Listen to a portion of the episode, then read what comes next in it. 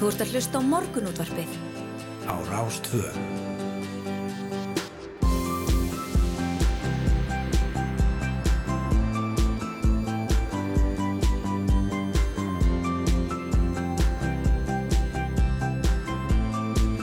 Morgunútvarpið Á Rástvö. Jú, við bjóðum ykkur sérstaklega góðan daginn í dag ágættu hlustendur, það er förstdagurinn 1. apríl og hér, við, svo, hér sitjum við tvær, Snæra Sundardóttir og Hulda Gerstóttir. Það er ekki aprilgap. Nei, nei, nei, nei, nei, nei, og það verða engin aprilgöp í þessum þætti. Ég, hérna, við rættum þetta að gæra við yngvar og ég viðkom fyrir svona hrekkjum. ok, það var enginn búin að tala um þetta um mig, ég er búin að undirbúa alveg massa gapjarna sko. Já, það er bara, þú verður afsakað að það verður, það ekkert stíkt. Hér verður hérna hvert orð uh, öðru sannara í dag. Kannski gapa ég bara þig. Hvað það mennar? Já, hver veit. Hver það er veit. allavega oft gaman að þessum aprilgöpum og, og við hefum nú eftir að kíkja í blöðin og kannski reyna að spotta eins og maður segir gapdagsins. En við ætlum að gera margt og mikið eins og alla daga. Við fáum til okkar fullt af gestum. Við ætlum að setja okkur í páskagýrin undir lokþáttar og, og eh, tala svo litið um súkulæði framleyslu. Því að nú fylla páskaegg allar búðir og framundan er mesta súkulaði veisla ársins.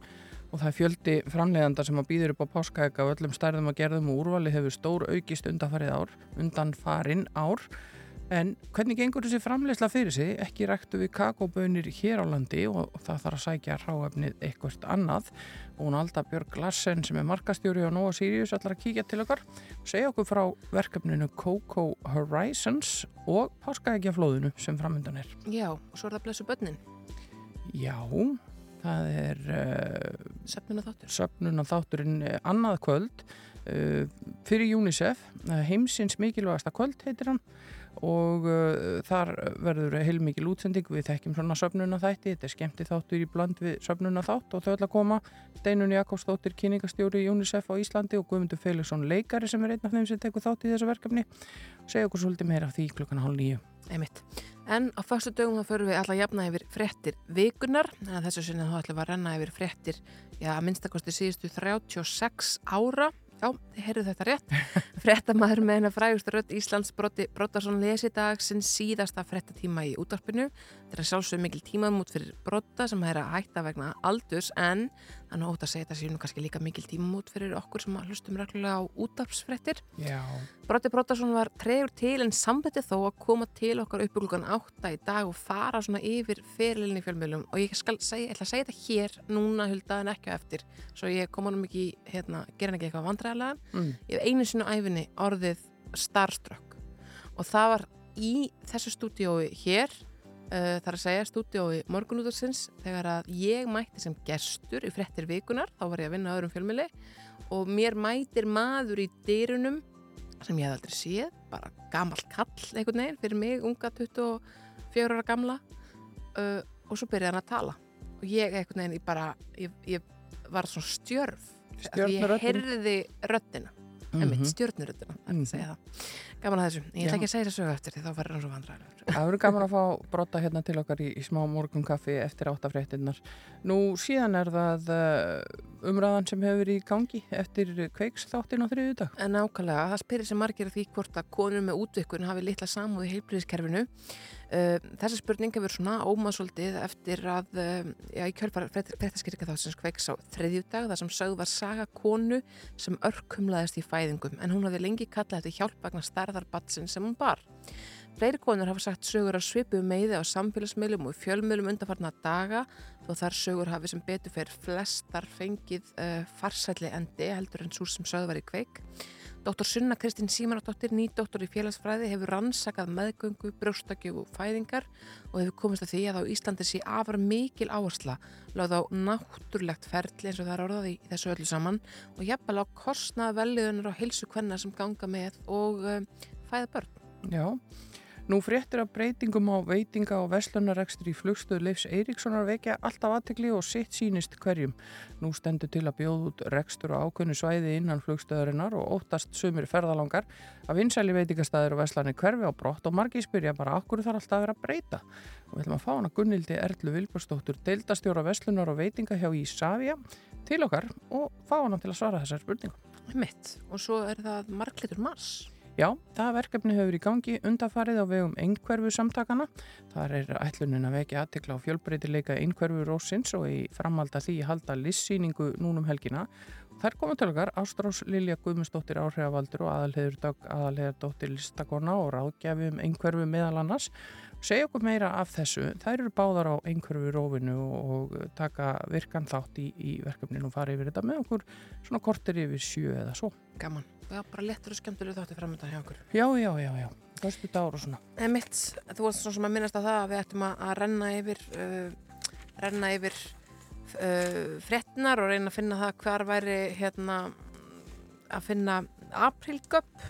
Já, það er oftast finnum maður þetta nú en, en ég man alveg eftir svona göppum sem hafa hefnast hjá blöðum að einhver tíman var að vera að tala um einhvern kvalrega eitthvað staðar og allir rættur niður í fjöru og það er náttúrulega tilgangur með þessu er að láta fólk hlaupa apríl. Jú, jú, nákvæmlega, algjörlega. Þetta er, um, já, ég finna ekki í fljótu bræði í mokkanum sem að mér, að, þú veist, þetta er, þetta er mála með mig. Ég er bara til dæla svona auðtrú á göpp. Ég þól ekki göpp að þessu liðin til því ég...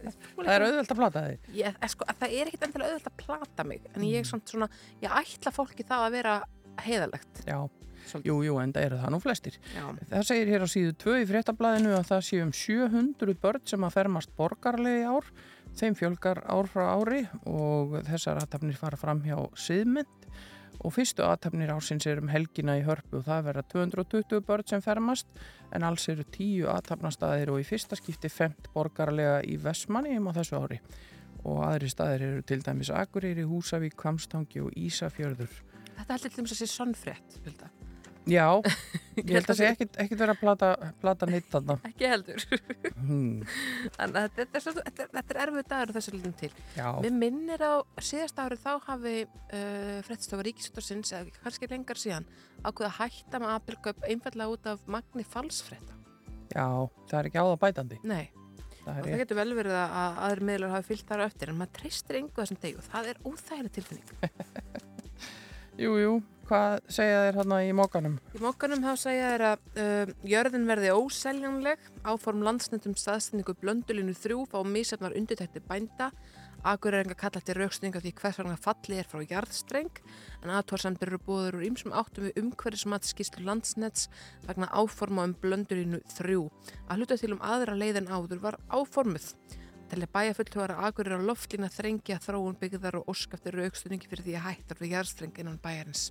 Þetta er mjög áhugavert mál, þessu orkumál hafa þetta verið mjög ábyrrandi undarfærið. Já, uh, það er komin tími á fréttir uh, klukkan sjö frá fréttastofu Ríkisútvarsins þannig að við ætlum að fara að færa okkur þangað yfir og svo komum við aftur uh, inn í stúdíu 2 og höldum áfram með líflegan og skemmtilegan föstudags þátt hér í morgunútarpinu.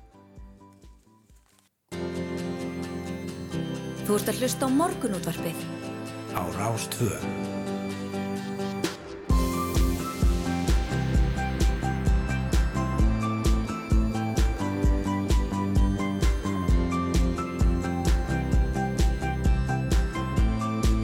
Morgunútvarpið Á Rástfö. Við bjóðum góðan dag hér á Rástvö, morgun útarpið komið af stað og fyrsti fréttatími dagsins farin í loftið en við erum hér með ykkur hulda og snæra og svo verðum til klukkan nýju og það er ímislegt á dagskrá hjá okkur í dag. Já, heldur betur við ætlum að tala um súkulega hér í lókþáttar og fulla ástæða til enda páskarnir framundan. Við ætlum að ræða söfnun og þátt UNICEF sem að fer fram á RÚF annað kvöld. Við ætlum, að, uh, já, ætlum ekki að einbæta okkur á fréttum vikunar þessu sinni heldur uh, fréttum um það byrju síðustu 40 ára með brotta brotta sinni sem að í dag les sinn síðasta útvarsfréttatíma og var treygur til en samt þó að koma inn klokkan átt að fara þessi með ferilinn. Við ætlum að ræða um, gríðilega áherslu á náttúrulegt ferli í meðgöngu, batnegnum og brjóstakjöf og svo framvegis við doktor Sunnu Kristínu Símanadóttur sem hefur uh, rannsakað þessa hluti. Hún, uh, já, þetta er jafnvel að kostna velliðunar og hilsu kvenna, virðist vera. Við ætlum að ræða uh, fréttir af breytingum á veitinga og verslunarekstri í flugstöðleifs Eiríkssonar. Það hefur aðeins verið svona já, heitt undir sæti manna þar vegna, vegna útbóðsmála og svo ætlum við að ræða verkefnið Marglitan Mars uh, á vegum einhverjum samtakana. Já, það er svona nokkuð skona hápuntur á því verkefni núnum helgina og uh, fáum að vita meira af því en uh, veðrið uh, það er nú bara, var óskup myllt og gott að lappa út í morgun og segir hér í hugleðingu viðfræðings í dag verður hæg sunnanátt svæði með lítilsáttar rigningu eða súld er á norðurleiði við vestanverðurlandinu en þurft verður í öðrum landslutum. Hittin fer upp í 3 til 8 steg en á austfjörðum verður hittin á land frostmarki.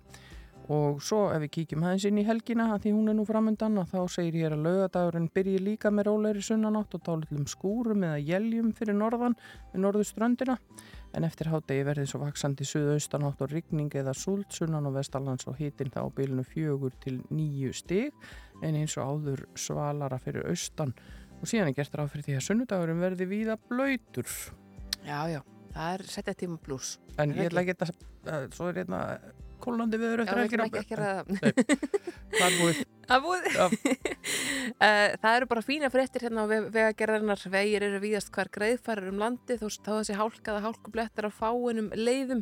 Ég sé hér að það er helst á vestfjörðum sem eru hálkublettir nokkuð víða. Mm -hmm. helst á fjallvegum og hálka á dynjandisheiðinni. Á Norðurlandi er greiðfært að mestu nokkuð um hálkublettu og hálku snjóþekja er að þverjarfjallinu. Á Östurlandi er hálka á fjörðarheiði og öksi og hálkublettir á nokkrum fjallvegum en annars auktamastu og sjálfsögur hindir á ferð. Og Suðurlandinu þá er, hafa hólur myndast, það er svo sem hólur víðast hvar um landi í Malbygginu en, en eins og segi þetta er, þetta með stittra sem að þarf að fara yfir málun hjá vegagerðinu, það verður segist alveg eins og er. Það hefur þetta verið bara endalösir, endalösar lokanir og, og fannferki og alls konar. Það er búið og nú stýttist í að þetta fara að verða intómara framkvæmda fréttir, þannig er það á sumrin þegar Já. við förum að lesa við að gera þarinnar en komin tími til að byrja á uh, tónlist, við ætlum að fá þau Magna og Ágústu Efu til þess að taka fyrsta lægið hjá okkur í dag. Það heitir Við gætum reynd Manstu hvar við sveiðum Manstu hvar við beigðum af okkar leið Allt það sem við áttum og allt það ríkti sáttum það rann sitt skeið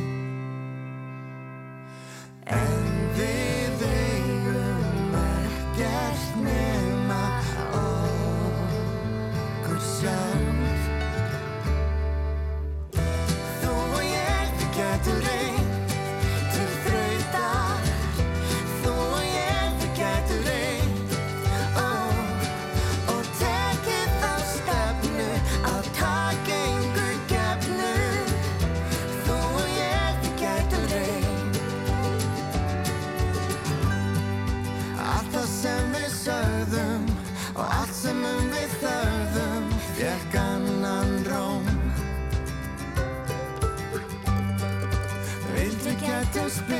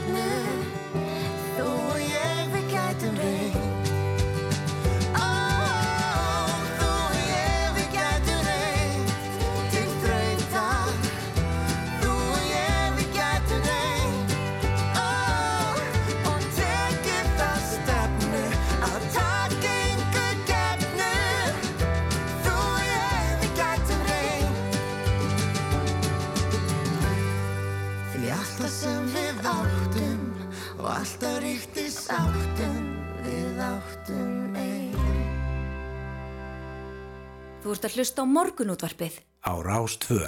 Jú, jú, herðu held að hér rek, rek ég augun í frétt á vegum uh, fréttablasins, eða í fréttablaðinu. Mm. Það sem að sagði saga einar bandarísku Keanu Sue Powers sem að Íslendingar sem að fylgjast með TikTok þekkja bara alveg pottétt. Mm. Hún er mjög virk á þeim miðli og er sko svona mikið að sinna landkynningu. Uh, hann er svona helsta efni er, uh, já, bara myndir af íslenskri náttúru, myndbönd uh, frá íslenskum veitingastöðum, Þetta, hún er mikið að kynna land og þjóð, tala um alls konar, uh, svona bara öll, öll kynstrinn sem að, að hérna, ennkynna okkar menningu og svo framvegis, Mm fyrir, kynna þetta fyrir ælendu ferðamönnum. En útlendingastofnun er búin að sinna henni um landvistarleifi að því hún er ekki sérmentuð í þeirri vinnu sem hún er að sinna. En er eitthvað hægt að menta sig í því? Nei, hún bendir á það, hún er með meistragráðu uh, en er, það er ekki hægt að menta sig í að vera ferða áhrifavaldur. Mm -hmm. Um, hún segir hér, þetta er alveg merkilegt, hann langaði mjög mikið til að, hún kom fyrst til Íslands ára 2018 og, langaði að, að flytingað, það hefði þá þegar reynst mjög erfitt að fá landvistarleifi, hún gekk að fund sendir á þessu bandarækjunum og sagði þeim að hún hlyti að vera að missa í smáleitrinu en þau mæltu með því að hún myndi giftast Íslendingi. Það var sagt, hún segir, það var í alvörunni þeirra faglega álit. Þannig hugsaði kannski að vera einfaldra að búa á Íslandi í þessu ferli og seldi allt sem hann áttu og fluttingað og sóttum atvinnuleifi. En atvinnuleitin gekk ekki vel, enginn vildi ráða bandarískan ríkisborgari í vinnu og ekki síst vegna þess að það var svakaleg pappisvinna sem því fylgdi. Já. Og svo bara hefur Korki, uh, já, bara genginni rekið í þessum efnum fyrir hana. Hún bendir á, hún segist að það var 23 daga til að pakka saman En hún segir, en ég þarf að berjast, all líf mitt er hér og ég hef ekkert annað við að vera. Ég fest sterkar rætur í íslengu samfélagi og bæti við að hún að vinna heimildamindum baratu sína fyrir dvalarleifi hér á landi sem eru frumsýnd á mánundag. Já. Þetta er alveg magnað og sko hún, eins og þess að ég er búin að vera að fylgjast með henni síðan upphæði faraldurs af því að hún er búin að vera bara einmitt á öllum veitingastöðum bæjarins og öllum jöklum og hún sér hefði sem er að í jöklaferðamennsku en út af COVID þá fekk hún ekki að dreigi tilbaka aðrun til hennar af því að uh, bara þegar forsendum að, að hérna, Trump var búin að skella á ferðabanni þannig að það voru engi bandaríski ferðamanni að fara að koma Já, sem að hún hefði vantarlega ætlað að sinna sérstaklega vel. Já, nákvæmlega Já, Þetta er alveg, þetta er, aðtillisvert. já, þetta er virkilega aðtiklisvert af því að, að, því að hérna, heimurinn er bara breytast fólk getur unnið Já, já. hvar sem er í heiminum og mitt í gegnum samfélagsmiðla og, og eins og hún er að gera, kynna land og þjóð og sko, Íslandsstof er ekki að veita miljardum í þá landkynningu Nei, nei, mitt. En uh, hér framöndan uh, ætlum við að spjalla um uh, þetta áhugaverða verkefni sem við erum í gangi undarfærið á vegum einhverfu samtakana, Marglítur Mars. Það alltaf að setjast þetta hjá okkur Ástrós Lilja og aðalhefur dögg og, og segja okkur af þessu og svona nokks konar hápunkti sem verður um helgina með listviðburði á vegum samtakana. En það er First Aid Kit og My Silver Lining.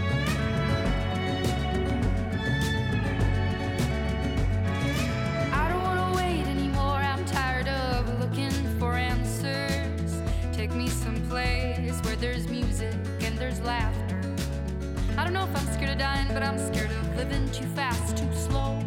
Regret, remorse, hold on. No, no, I've gotta go. There's no starting over, no new beginnings. Time raises on.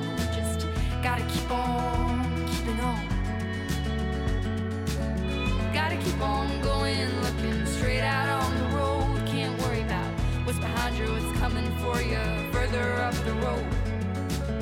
Try not to hold on to what is gone. I try to do right what is wrong. I try to keep on keeping on. Yeah, I just keep on keeping on. I hear a voice call, calling out for me. These shackles I made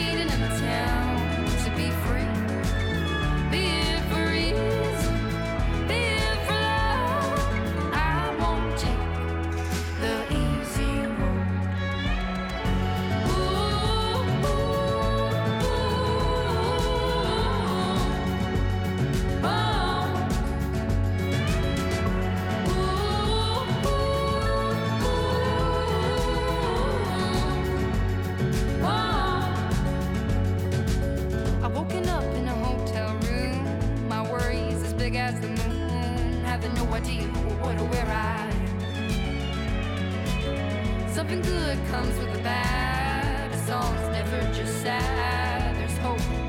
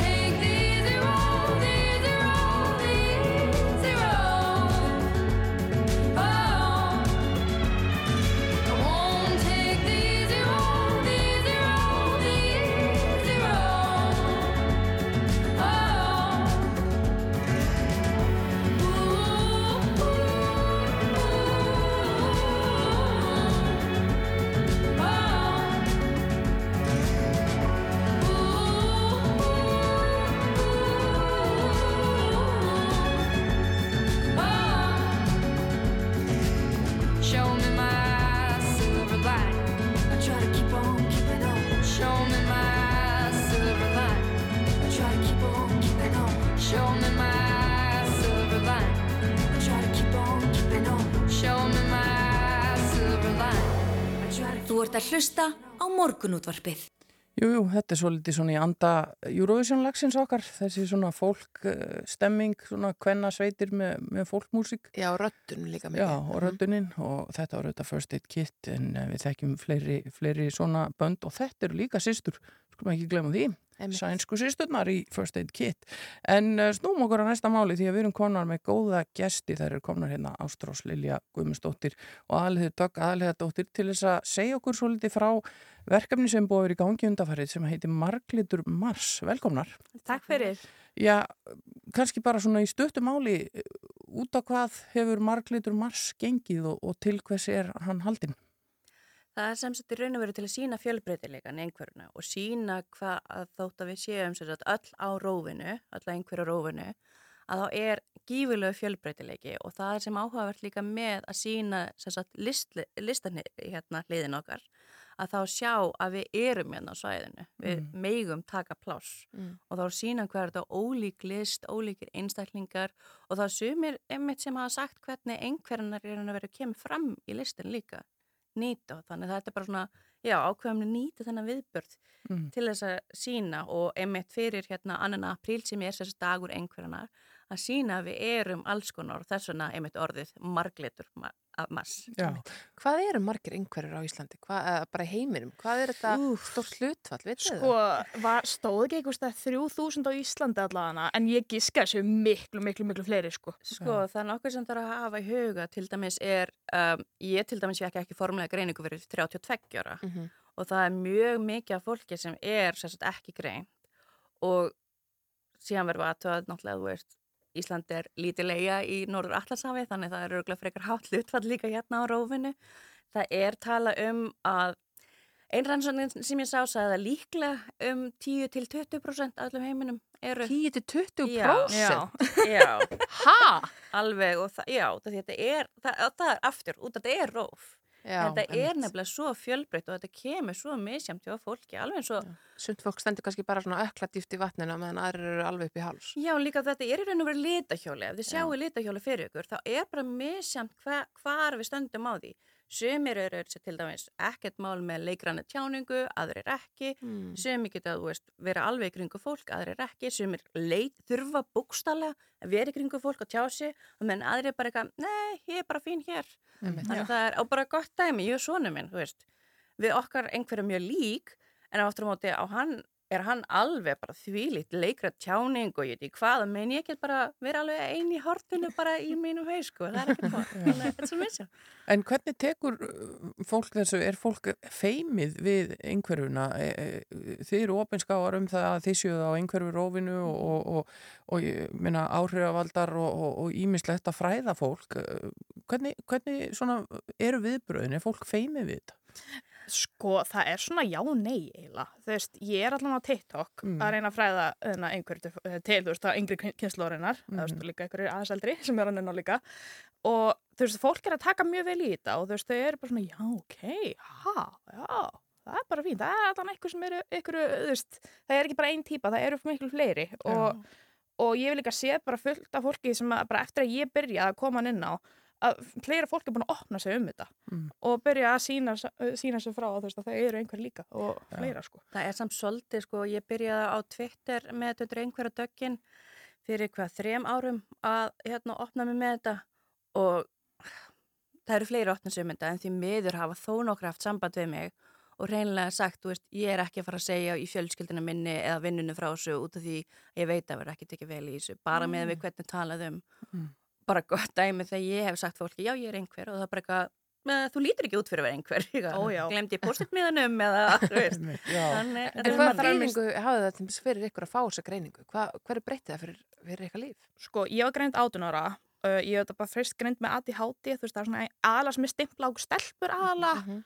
um, og þú veist og þetta var bara svo mikið bara svona, ó, ok þetta úrskýri miklu meira heldur en bara eitthvað ADHD, seiflur sem ég var að hafa og eitthvað svo leiðis þannig að þetta var bara svona meira frelsi þetta tók alveg tvö ára þú veist, sætta sig við þetta og vera bara já, ok, þetta er alltaf í lagi, þú veist, maður var Já. svolítið í afneitun og svona smá impostor syndrom, þú veist, Mm. bara halda maður sér, þú veist, að maður eigi ekki að passa í þetta samfélag, sko, út af því að þú veist, maður er ekki, þú veist, nóg mikið eða eitthvað svo leiðis Mhm. en þú veist, þetta er bara geggja að fá núna veist, það eru bara að nota þetta, þetta er bara líf okkar sko. Já, að- það er einmitt sko er áhugavert út af því að ég sem sagt fór, fór tæknilega sér fyrst í greiningu fimm ára Mhm. og ef sálfræðingur hefði vitað eitthvað þá hefði ég verið greind á staðnum veist, með við lýsingunum frá móðminni þá hefði ég verið greind á staðnum einhver Já. en var það ekki og fjekk í raun og verið sko það nippaði í mig bara í, ég er svo þakklátt fyrir leikskóla hjá sinni mínum, bara eitthvað að hann byrja í ferlinu. Það var eitthvað, jæja, strákarinn er svolítið líka með missinu það ekki? Og þá er mitt verið, ok það er eitthvað viti í þessu að ég geti líka. Og þá fór ég og einmitt, fjekk reyninguna og ég bara þegar, þú veist En þetta hljómar svolítið svona tilviljanakent. Er þetta oft þannig að, að þetta eiginlega bara greinist einhvern veginn? sérstaklega með sko konur og stelpur. Það er alveg, og eins og Ástrúð segir Mm. það er miklu algengara að það sé hérna greint sko, byrju nú, það er ADHD frekar. Hvað Já. var það síðan, þunglindi, kvíði.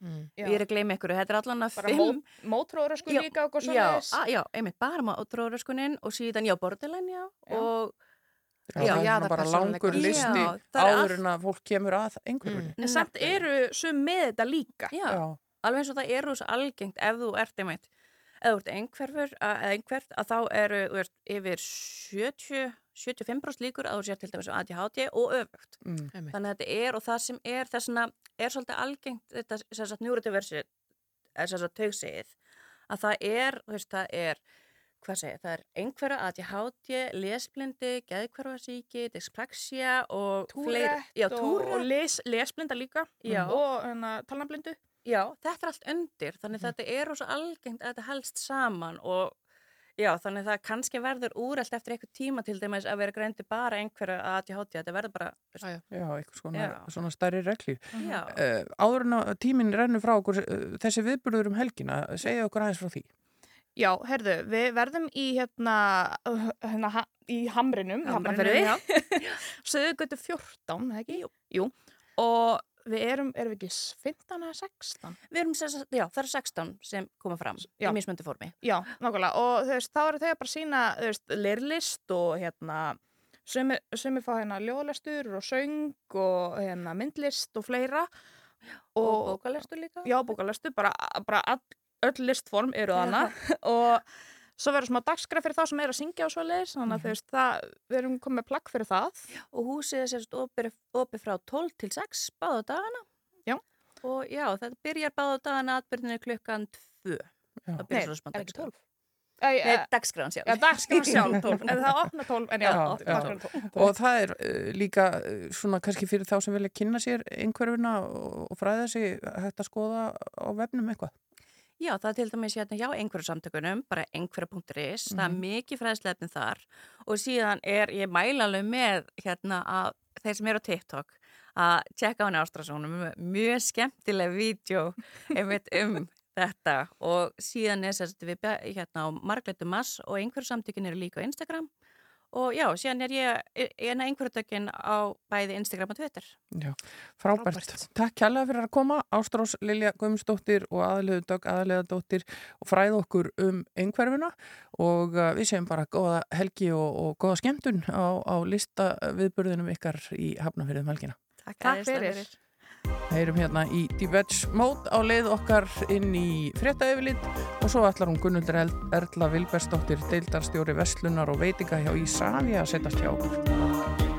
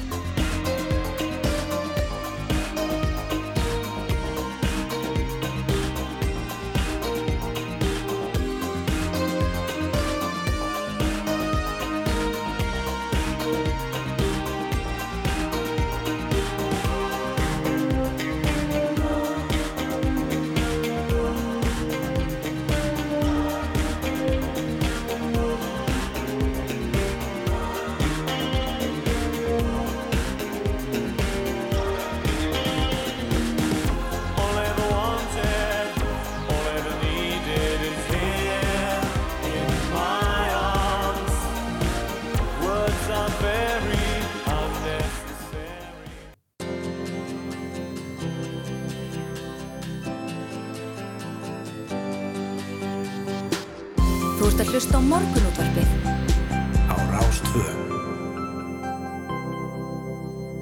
Jú, jú, áfram höldum við í morgunútarpinu og hér næst ætlum við að ræða aðeins breytingar á veitinga og verslunarekstri í flugstöðu Leifs Eiríkssonar.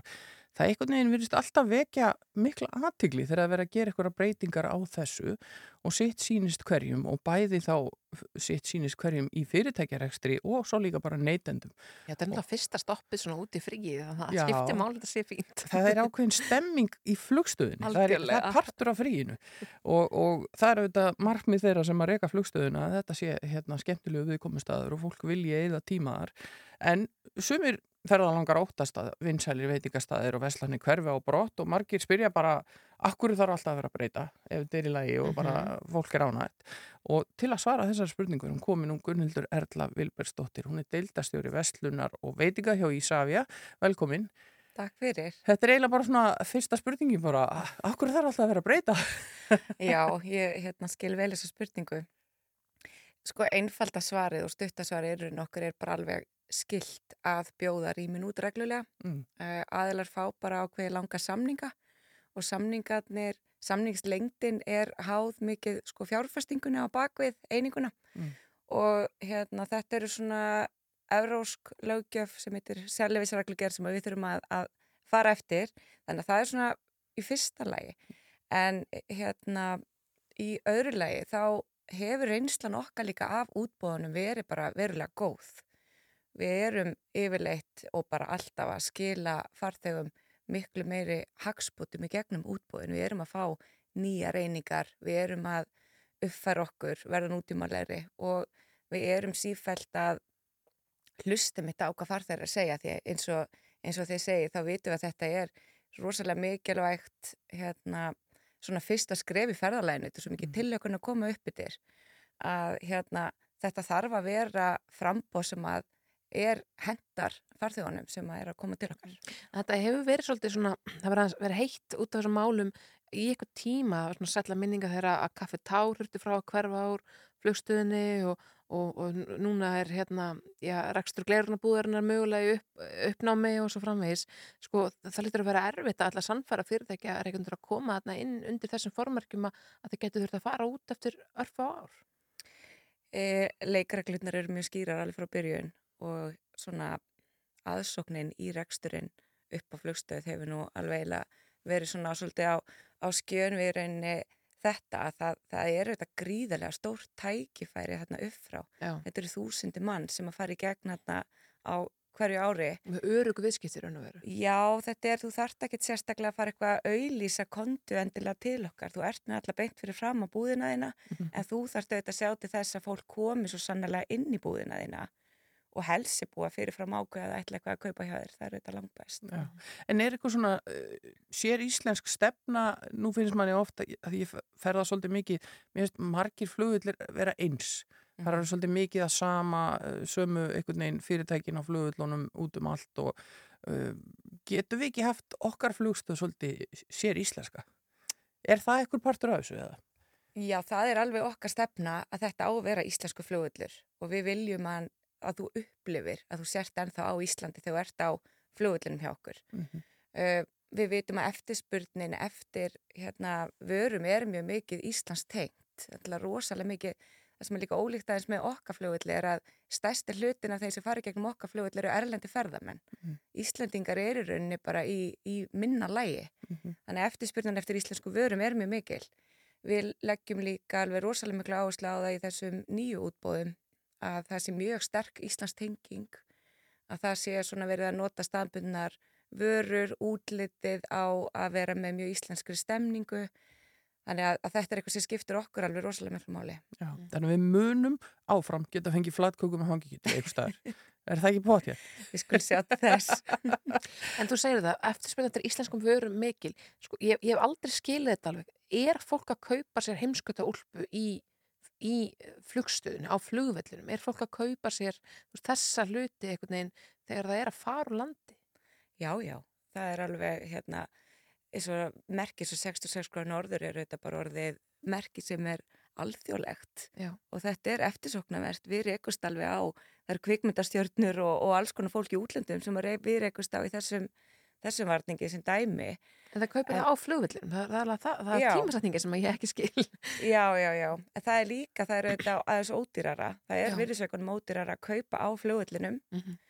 þannig að einhverjir er að nýta það, Já, en svo er það bara, fólk hefur tíma, það er kannski að býða bara eins í klukku tíma eftir og þá líka myndast bara svona kaupstemning. já, Og þetta eru- röldum og skoða og, Þetta eru líka bara aðlægandi búðir og aðlar eru að gera bara virkilega vel. já. En þessi útbóð, uh, hvað tekur þetta langa tíma? Hvenar munuð þið vita uh, hversu margir sækjast eftir þessu? Mhm. Þetta tekur alveg svona 8-10 mánuði almennt frá því að við byrjum að bjóða út og þanga til að, að staðurinn opnar. Mhm. En við erum líka að fara eins lengri leiðir, við erum að fara að not- nota svona aðferð sem heitir samkeppnisviðræður. Þannig að við erum að gefa mönnum þrjú tækifæri til þess að fá sko endugjöf á bóðið sitt. Já, já. og með því eru við mikið líka jafna leikin þannig að þeir sem eru vanir útbóðum og óvanir útbóðum standa nokkuð jaft Mm. og við erum, við erum sífælt að reyna að hjálpa fólki að besta tilbóðið sitt Já, en það sem þið eru að gera núna, það er þetta svæði sem að fólk þekkir hérna sem Loksins barinn og, og Joe the Juice og það svæði og bókabúðin og, og, og, og þetta, þið eru að fara að breyta þessu svæði, en svo er náttúrulega verið að stækka flugstöðuna, endalust. Já. Og þannig að þið þurfum að halda áfram að- bjóða út og... og Já, já, og þetta er bara fyrsta skrefið mm, og hérna og það er bara staðreind að svæði þar sem að loksinsbar til dæmis er á, það, það er bara framkvæmda svæði. Að þar er að koma alveg 20.000 fermetra bygging með fjórum til, sex hliðum. Já. Þannig að það þarf að breyta þar. Það þarf líka að, að breyta miðjusvæðinu þar sem að the Juice og Nord eru. Við erum náttúrulega að fara núna í segi, stóra byggingu þarna fyrir aftan loksinsbarinn og svo hérna erum við að undirbúa líka svona tengibyggingu sem er mjög stór sem að kemur þá eiginlega fyrir aftan mathúsið. Mm. Stærðin á þeirri byggingu er, hún stærðin harpan. Já, Þannig að þetta, er, þetta eru gríðarlegar stærðir og ef við tökum saman þessa tvær byggingar þá er það álíka á kringlan. já, Þetta eru verulega, verulega stórar framkvæmdi sem við erum að fara að ráðast í Mhm. Og, en við erum að fara að búa til alveg einstakt svæði, einstakt svona þjónustu svæði fyrir farþega og fyrir verslunar og veitingaðila. já. Ferðist þið mikið á Erlenda flugvelli með það svona augna með að, að, að já, fá innblástur? E, við, gerum, við höfum nú ekki gert það núna alveg í smá tíma Nei, en svona hérna, venjulega, já, alveg klárlega. Mm. Við erum sífælt að skoða hvað er sem að, hvað er sem að flugvellir eru að horfa til og þróast og við horfum líka mikið bara í tækniníjungar og ímiskonar. Mm. Og kannski rétt að áreita það sem við vorum að segja að að sumir eru hrifnir af ákveðnum vörumerkjum eða mat eða hvað sem er að það, þessi útbóð eru náttúrulega líka opinn þeim sem eru þarna fyrir. Það er ekkert sem segir að, að, að eitthvað fyrirtæki sem er þarna núna get ekki hugsalega verið þarna áfram í, í nýri mynd. Nei, það er alveg rétt og hérna, þetta eru bara fyrstu tvö tækjaferðin sem eru að koma út núna og munu opna núna á næsta ári. Við ætlum að bjóða fleiri einingar út á þessu ári. Við erum að fara að bjóða út svona, við köllum það ennþá bara bread and coffee af því að það er á eftir að útfæra það svolítið nákvæmar Mm. og það eru margir aðeila sem að geta komið til greina sem að geta hérna búið í slíkan rekstur. Mhm. Svo eru það glerugun, við munum bjóða út útivistafatnaðin, gjafavöruna, gjaldiristjónustuna. Mm. Við erum líka að sjá núna svona hvernig framkvæmda áhrifin nákvæmlega verða í byggingunni til þess að geta lagt mat á það síðan Já, hvaða fleiri tækifæri, hvaða fleiri rými við höfum Mhm. úr að móða svona næstu árum. Stóra spurningin er samt auðvitað hvenar fáið svona færiband til að labba eftir í listu? Já, ég held að sé þegar þú þurfur að býða þess eftir því. Ah, En það sem við erum að gera, við erum að hanna samt bygginguna þannig að við séum að reyna að hafa gönguleðirnar sem styrstar. já, já, Þannig að við erum núna með göngu yfir í söðubygginguna og svo í rauninni, munum við byggja svona annan landgang til austus. Þannig að þessi, þetta hjarta verður áfram þetta Sama aðal vestlunar og veitingasvæði. já. Þar munu farþegar mætast og tengja milli. Mér finnst aðalega bara svo gaman að vera svona flugvöllum og í útlundum og ganga svona sport. færiböndum maður fyrir svo hratt og þetta er allt svo strömminlaga eitthvað. Það er, mjög, mjög mikið sport að gera Þú það. ert að fara aðeins lengra. Já, en svona rétt í lokin, hvernig er stemmingin í flugstöðinni núna? Er þetta ekki alltaf að- lifna og, og kvikna til lífsins á ný? Jú, það er, það er ótrúlega gaman. Það er svo gaman að horfa núna yfir einmitt vestlunar og veitinga og sjá, sjá bara það yðar alltaf lífi og maður mætir í vinnuna og það er fullt af fólki í innrýtunarsalnum. Það voru þetta ótrúlega skrítni tímar Já. þegar allt var bara tómt. Mhm. Við erum að vonast til þess að á þessu ári verðum við með um rúmlega 60% af farþjóðun sem voru 2019 Mhm. og svo munir þetta bara jaft og þjætt byggjast upp. Já. Það eru þetta óvissu aðstæður í Evrópu sem að hérna við vitum ekki alveg svona hvort að muni hafa mikil áhrif, mikil áhrif á ferðalöngun Mm -hmm. en við erum bara mjög bjart sín og við erum komin með nánast já, 24 flugfélag sem ætla að vera hjá okkur í sumar.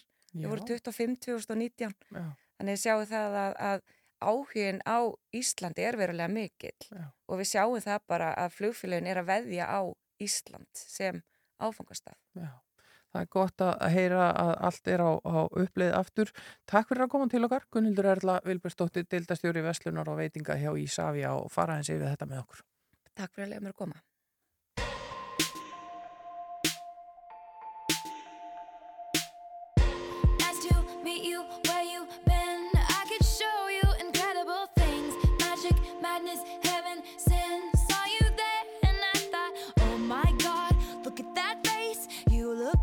my next mistake. Love's a game, wanna play.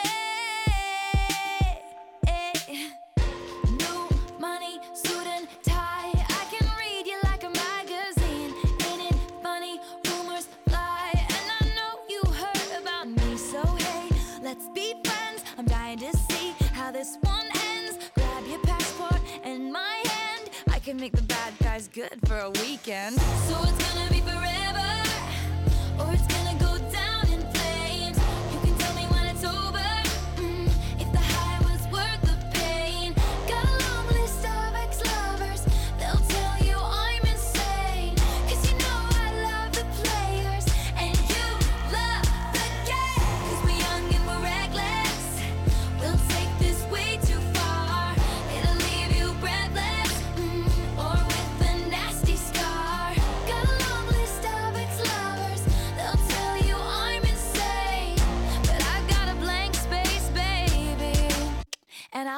your name.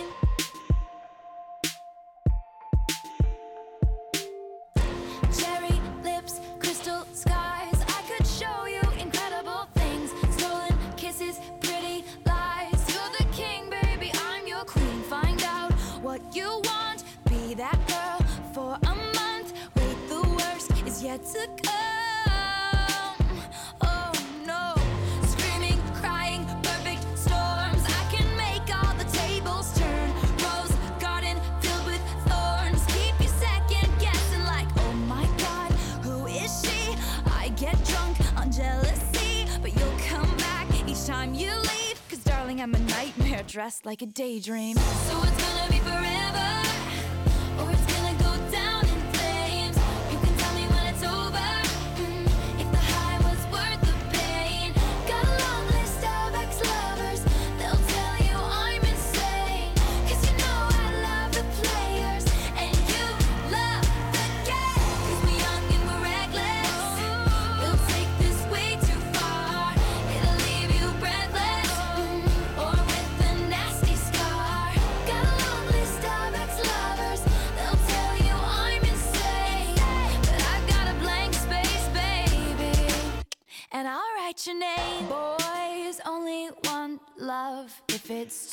torture.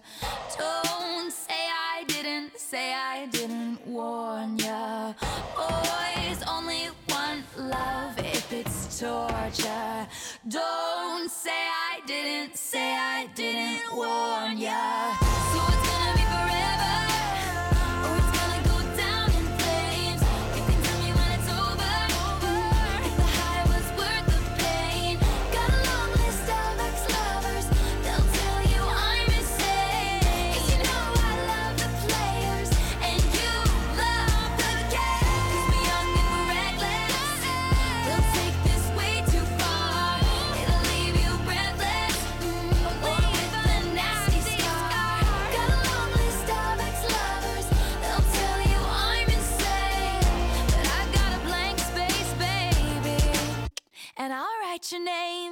Þú ert að hlusta á morgunútvarpið.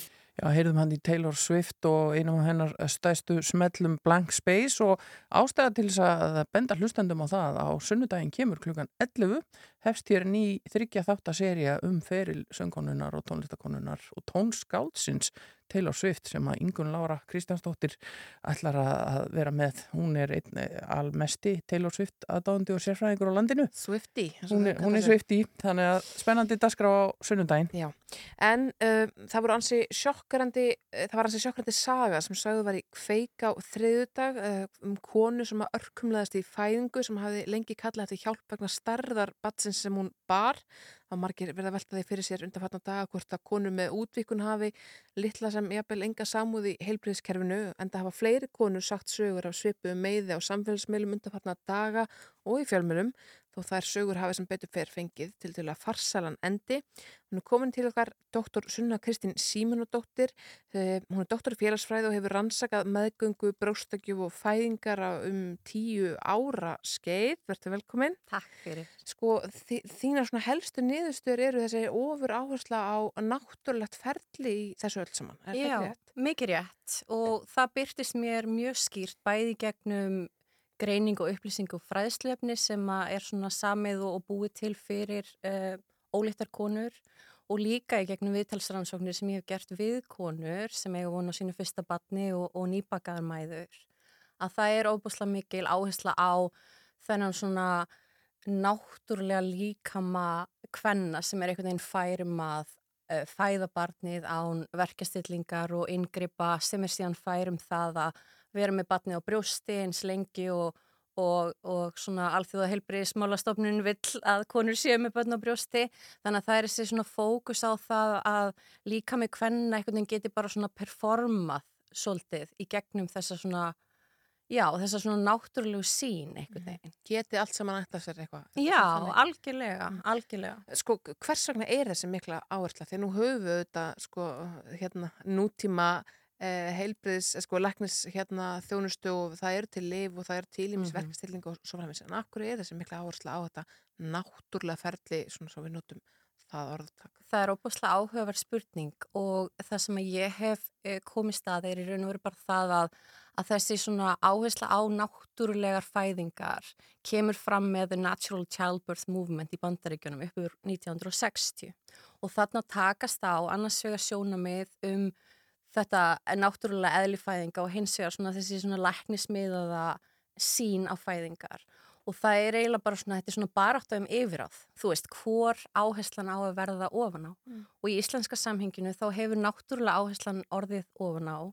Og stundum er þetta kannski svona um, þetta, þetta svona s- sveiflast svolítið finnst manni einhvern veginn eins og að, að það sé ekki hægt að finna bara einhverju svona ásættanlega málamilun það sem báðar nálganir er einhvern veginn jafn réttháar og, og bara viðeigandi um, þú veist, eh, ég meina það sem virkar fyrir eina konu virkar ekki fyrir aðra, það þarf ekki að stilla því þannig upp að það sé ykkur ein rétt leið og ykkur önnur verri leið Já. Stundum eh, hefur fólk þá á tilfinningunni að þetta sé kostnaðatengt. Já, það gæti vel verið um, náttúrulega kostnaði skiptir opaslega miklu máli í heilbríðiskerfinu og það er alltaf krafa um aðhald og spartnað Um, mín tilfinning er samt að það sé í raun og veru ekki þannig þetta er ákveðin svona hugmyndafræðileg áhersla og ég held að þetta, þetta byrtist konum í gegnum maðuraverndina, þetta byrtist þeim í fæðingaþjónustinni, þessi opbóslegi þungi í það einhvern veginn að reyna allt til þess að fæða barnið eðlilega, náttúrulega og bara orðin sem við notum takki eftir, það tala um eðlilega fæðingu, það er leguganga fæðing þá er, þá, og það vísar strax í að það sé eitthvað til sem heitir óeðlileg fæðing. Þannig að þú veist, það er svo margt í þessu sem að veldur konum líka bara svona kvíða vegna þess að jafnvel þótt þú farir í gegnum fæðing og allt gangi vel og þér heilsist ágætla og batni kemur vel út að þá getur þú samt upplifað eins og þú sérst einhvern veginn að bregðast eða hafur ekki staði næla vel bara vegna þess að þú þurfti mænurótadeyfingu eða endaðir í bráðakeisara. Þannig að ég held að við þurfum einhvern veginn að tækla þetta á þessum svona víða grunni að fara virkilega bara að spurja okkur af hverju þurfum við að stilla því þannig upp að það sé einhver svona ein betri leið og ein rétt leið. Mhm. En í þínum rannsóknum svona, sko, komst, sástu einhver merki um það að uh, velíðan og jafnvel heilsu hvernig veri ógnað vegna þessara, mikilvæg, á, þessara, þessara, áherslu? Í, í mínum viðtalsrannsóknum þá komst ég að því að konur voru um, óttaslegnar fyrir fæðingunni, Já. þær voru hrættar um, en þeim fannst líka eins og að í gegnum meðgönguverndina þá væri verið að mála upp svolítið svona rósur eða mynd af því hvað fæðing er. Mhm. Að hún gæti jafnvel bara verið svolítið svona ánægileg og valdeblandi reynsla Mhm. sem var síðan alls ekki það sem mínir viðmælendur upplýðu. Nei. Þannig að það er svona, af því að það stundum sagt einhvern veginn að þessi vera að hræða konur með alls konar horrorsögum, en mínir viðmælendur sögðu, ég vildi bara einhver hefði sagt mér að þetta er bara óbúslega krefjandi og það er allt í lægi ef ég þarf verkelif, ef ég þarf aðstóð og ég má byggja um uh, þá þætti sem hjálpa mér að komast í gegnum þetta. Já. En svo er þetta sem tekur við að fæðingu lokinu og nefnir til dæmis brjóstakjöfina. Uh, margar konur upplifa sér sem einhver, einhvern veginn mishefnaðar ef að það gengur bara ekki eins og eftir pöntun. Algjörlega og það er eitthvað sem ég hef verið að tala um núna í rosalega mörg ár og mér langar svo mikið til þess að við breytum í okkar samfélagi hvernig við ræðum um brjóstakjöf og, og, og þessi pressa, þessi ofbúslega pressa sem við setjum á konur um að brjóstakjöfin verða að takast. Og ég hef gert sko talsveit mikið að rannsóknum þar sem ég hef talað við konur sem að upplifið það að brjóstakjöfin gekk bara alls ekki neitt eða mjög illa og, og þessar konur uh, upplifðu í raun og veru bara og fengu þau viðbröð frá sínu, sínu nærumhverju, frá sínu heilbreyðstarfsfólki og jafnvel ættingum og vinnum að það er einhvern veginn bara hefðu brugðist barninu sínu og væri ekki, ekki næla góðar og, og það situr eftir bara ára löngjapil skömm og svona tilfinning um að einhvern veginn hafa brugðist. Og ég tengi það beinlýnis inn í þessa orðræðu um þennan náttúrulega líkamann sem getur allt og á einhvern veginn bara að standa sig alltaf. Að raunveruleikin er bara ekkert þannig. Nei. líkamannir okkar eru alls konar og þeir, þeir geta alls konar og og stundum geta þeir það ekki og það er bara allt í lægi En er það kannski nálgunin sem þarf að vera önnur, þarf að segja um það, eh, það kannski þarf að undirbúa konur undir að hlutir geti klikkað eða gangi ekki jafn vel eins og svona, svona hinn breiði vegur veginn. segir. heldur betur, ég myndi vilja sjá það gert og ég myndi vilja að við kæmum betur til móts við konur bara á þeim stað þar sem þær eru Já. í staðan fyrir að þröngu að minni eitthvað mót sem við erum búin að uh, útbúa. Þannig að bara það að þessi sagt við konu í meðgönguvernd að brjóstakjöf sé mjög krefjandi, hún gangi mjög vel fyrir margar konur en alls ekki allar og ef að uh, þessi tiltekna kona upplifir það að brjóstakjöfum gengur mjög illa þá séum þessar leiðir færar en það sé líka bara allt í lægi að gefa barninu þurrmjólk og njóta þessa tíma með barninu án sektarkendar Já. og vannlíðanar. Þetta þurfum við kannski bara fullkomast að fæða sem að framleitt hefur verið. Heldur betur. Já. Já, heldur betur. Uh, kannski bara rétt í lokin, Sunna Kristín, uh, er þetta er þetta feminist mál? Myndum við, hérna, er þetta, erum við að koma svona fram við konur af því að það eru konur? Mér finnst þetta að vera gríðalega feminist mál og allar mína rannsóknir eru feminískar og ég tengi þær við uh, feministkar kenningar og hugmyndir vegna þess að fyrir mér er þetta spurning um sjálfsákvörnunar rétt kvenna Já. og að við sem samfélag séum ekki að tróða konum inn í ykkur fyrirfram mót sem eru litið á bara einhverju svona eðlishyggju um náttúrulegt hlutverk kvenna og svo framvegis. Þannig að ég, ég held að þetta sé feministmál og ég held að það sem við séum að sjá núna á samfélagsmiðlum sé, það er ákveðin samasemmerki með bara svona MeToo-bylginni af því það eru svo óbáslega margar konur að stiga fram núna og segja sína sögu af fæðingum þar sem það eru upplegað það verið ekki hlustað á þær. Þú veist, þær voru einhvern veginn Það hefur valdalausar. kannski bara verið feimnismál. Þetta, já, og það er ekkert skrítið vegna þess að þú ert búin að gangi í gegnum segjum erfiða fæðingu, þú ert bara að koma heim og, og, og tjastla þér saman og þú ert að nýta tíman til þess að vera með batniðin og vera þakklátt fyrir að ekki fór verð. Þannig að það er ekkert, það er ekkert skrítið að konur sé ekki að, að, bera þetta torg á þeim tíma en ég held að tíminn sé komið núna og ég held að veri hotlast fyrir okkur alla bara hlusta og, og gera betur. Já, það er góð loka orði í þessu samhengi. Dr. Sunna Kristín Símunadóttir, nýdoktor í félagsfræði. Takk fyrir að koma til okkar og, og, og fara aðeins yfir þetta mál og, þína rannsóknir. Takk fyrir mig. Hér til skammastund þá ætlum við að fá til okkar Brotta Brottason, frettamann sem að í dag les sin síðasta hátis frettatíma. Uh, Það eru sannlega tímumót fyrir hann en það er nú tímumót fyrir fleiri heldur en hann því að hann hefur verið hér á stopnunum í hátti 40 ár. Þú ert að hlusta á morgunútvarpið. Á Rástvö.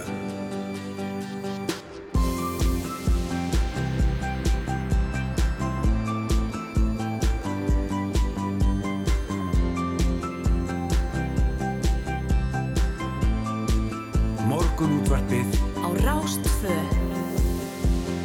Áfram höldum við í morgunútarpinu setni hálfleikur hafinn, búið að skipta ört inn á í þessum leik og við ætlum að gera það aftur eftir augna blík því að uh, Brotti Brottason nokkur er að koma sér fyrir hjá okkur. Já, emitt, kannski heyrum eitt lag fyrst. Já, við ætlum að heyra lag um mann sem er 75, Brotti er ekki alveg komið þangað en Latti er góður.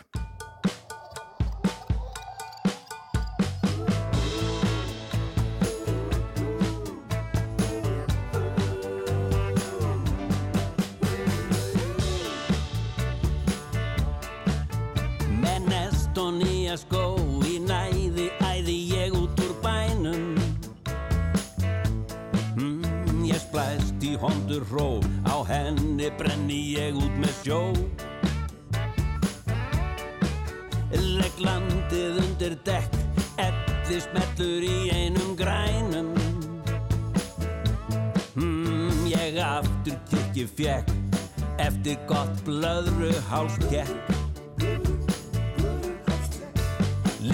Ligga, ligga lág, lifin eru farin að virka. Orðið ykkur frá, fús passa liggur heilmikið á. Ég léttur er á merð því leður dressið passaði sirka. Veit ekkert hvert ég fer, ég rat ekki heim hvort eð brun út í bláinn. Ertu menn, það er pláss alltaf ná. Ertu menn, fyrst maður er ekki dáinn. Og ekki nema 75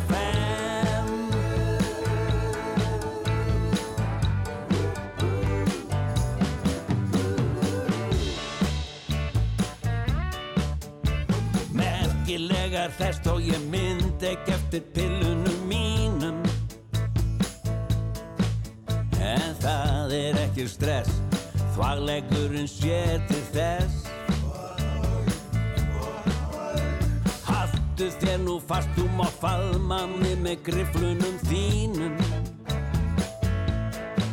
Þetta líf er hendiskast Svo nú er að dug eða drepast. Ertu menn, ég ætta brun út í bláinn. Ertu menn, það er pláss alltaf ná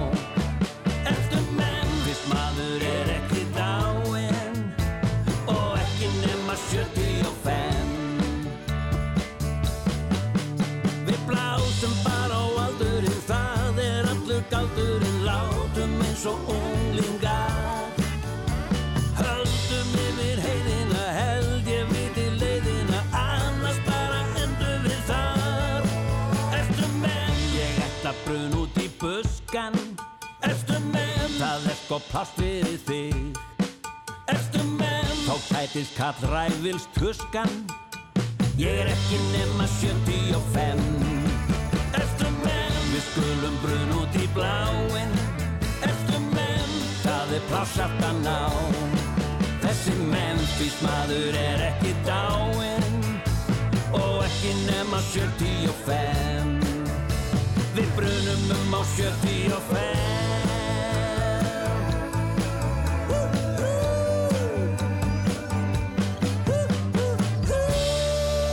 Vaknaðu með morgunúldarpinu á Rástfö.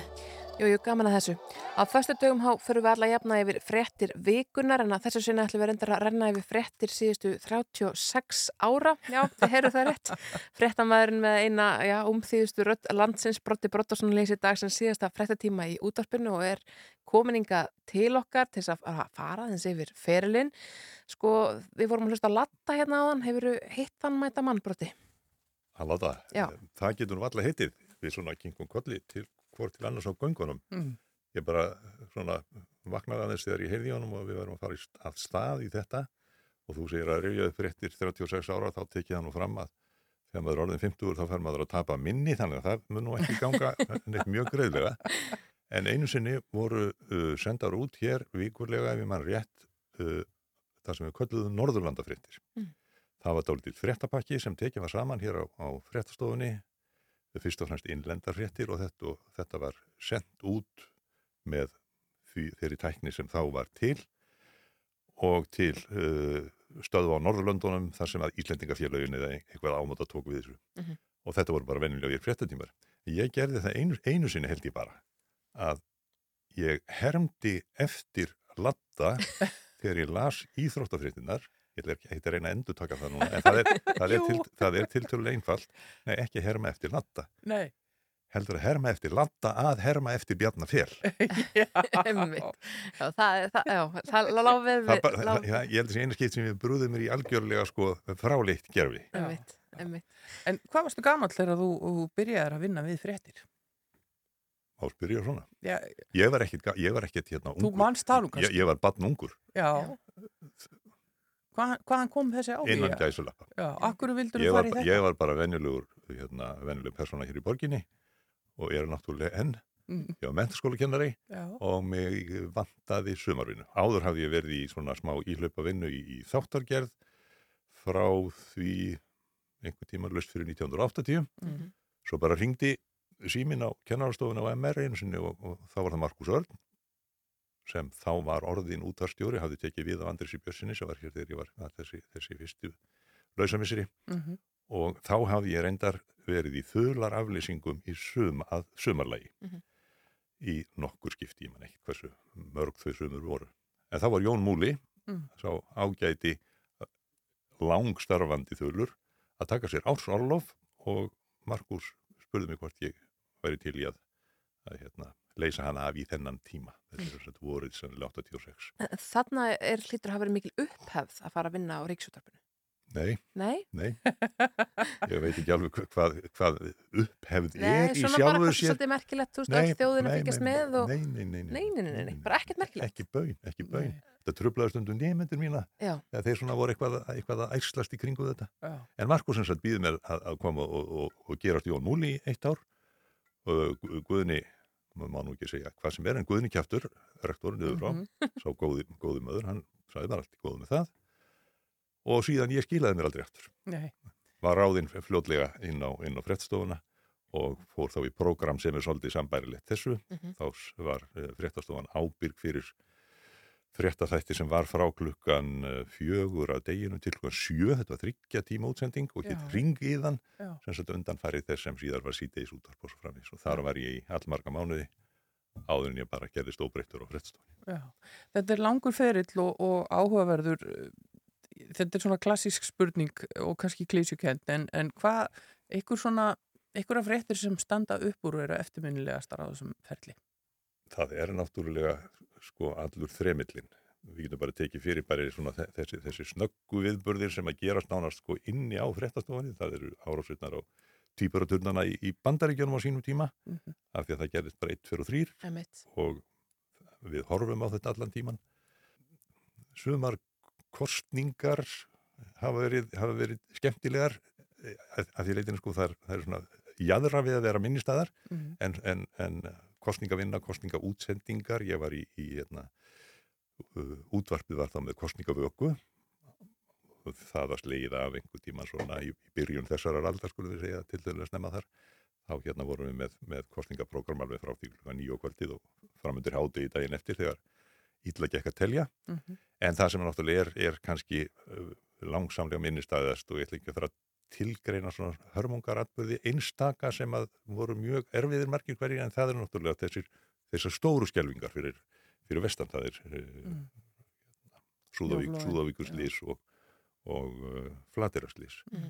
uh, þetta, þetta var erfitt sko, þetta var bara líkamlega erfitt líka Mhm. af því að þetta var, þetta var svo langvind þetta stóð svo lengi útsendingi og allt hvað eina Mhm. og Flaterarslísið miklu erfiðara að vera í, í útsendingu og beintengdur í sjálfur sér vestur því maður vissi náttúrulega að það fylgdust allir með þessu af því að í Súðavíkurslísinu þá naut maður þess að vita ekki hvað hafið því verið að gerast í raun og veru svo kemur flatirarslýsið til dælu skömmu síðar Mm. og þá veit maður án þess að geta sagt það og má ekki láta það koma fram þarna hafa orðið þessir skelvingar atbyrðir. Mm. Þannig að það var miklu, miklu erfiðri situasjón að vera að fjalla um hlut sem að þau taldi sér vita svona nokkurt veginn hvaða, hvað hefði verið að gerast. Mm.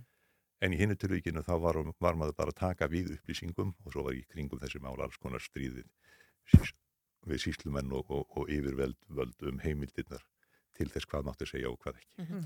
Tala um stríð við síslumenn og yfirvöld, sko, eh, hefur þið fundist það, verða eitthvað breyting þar á? Eru, eru ráðamenn eh, hérna þjóðarinnar, hafa þeir verið að ringja inn á fréttastofu, pyrraðar yfir hátæðisfréttum eða einhverjum öðrum fréttatímum, uh, auðsir sér yfir fréttamenn og svo já, já. já.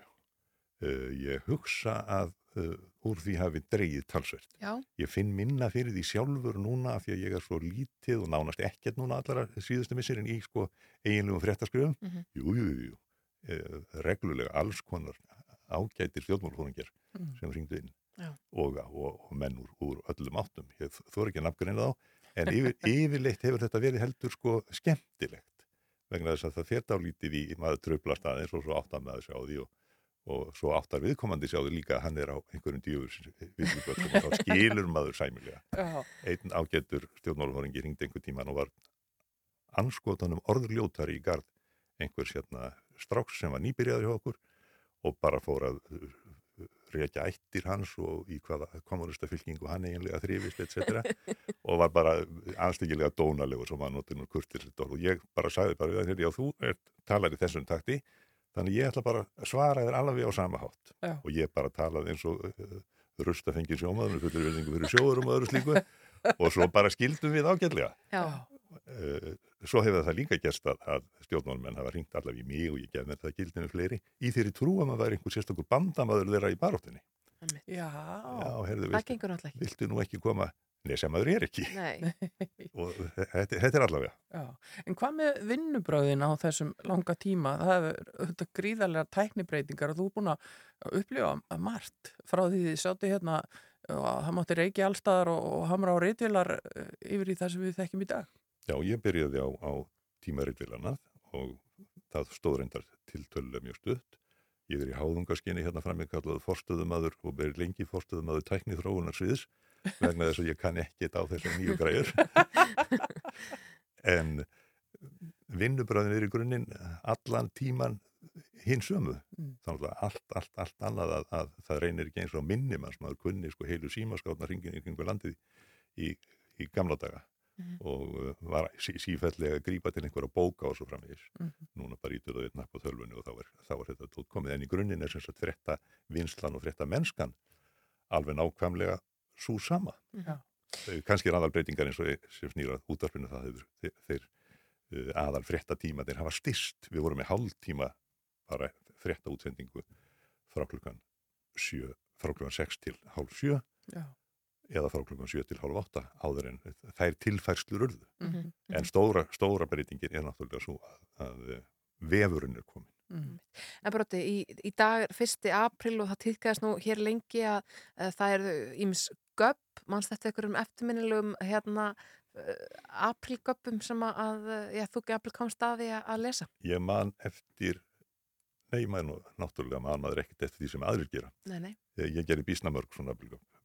Bara þú spyrir þetta, þá var það aldrei vel lukkað þegar, já það eru tvö, já nefnum annað, það, það lítur á súkulaði.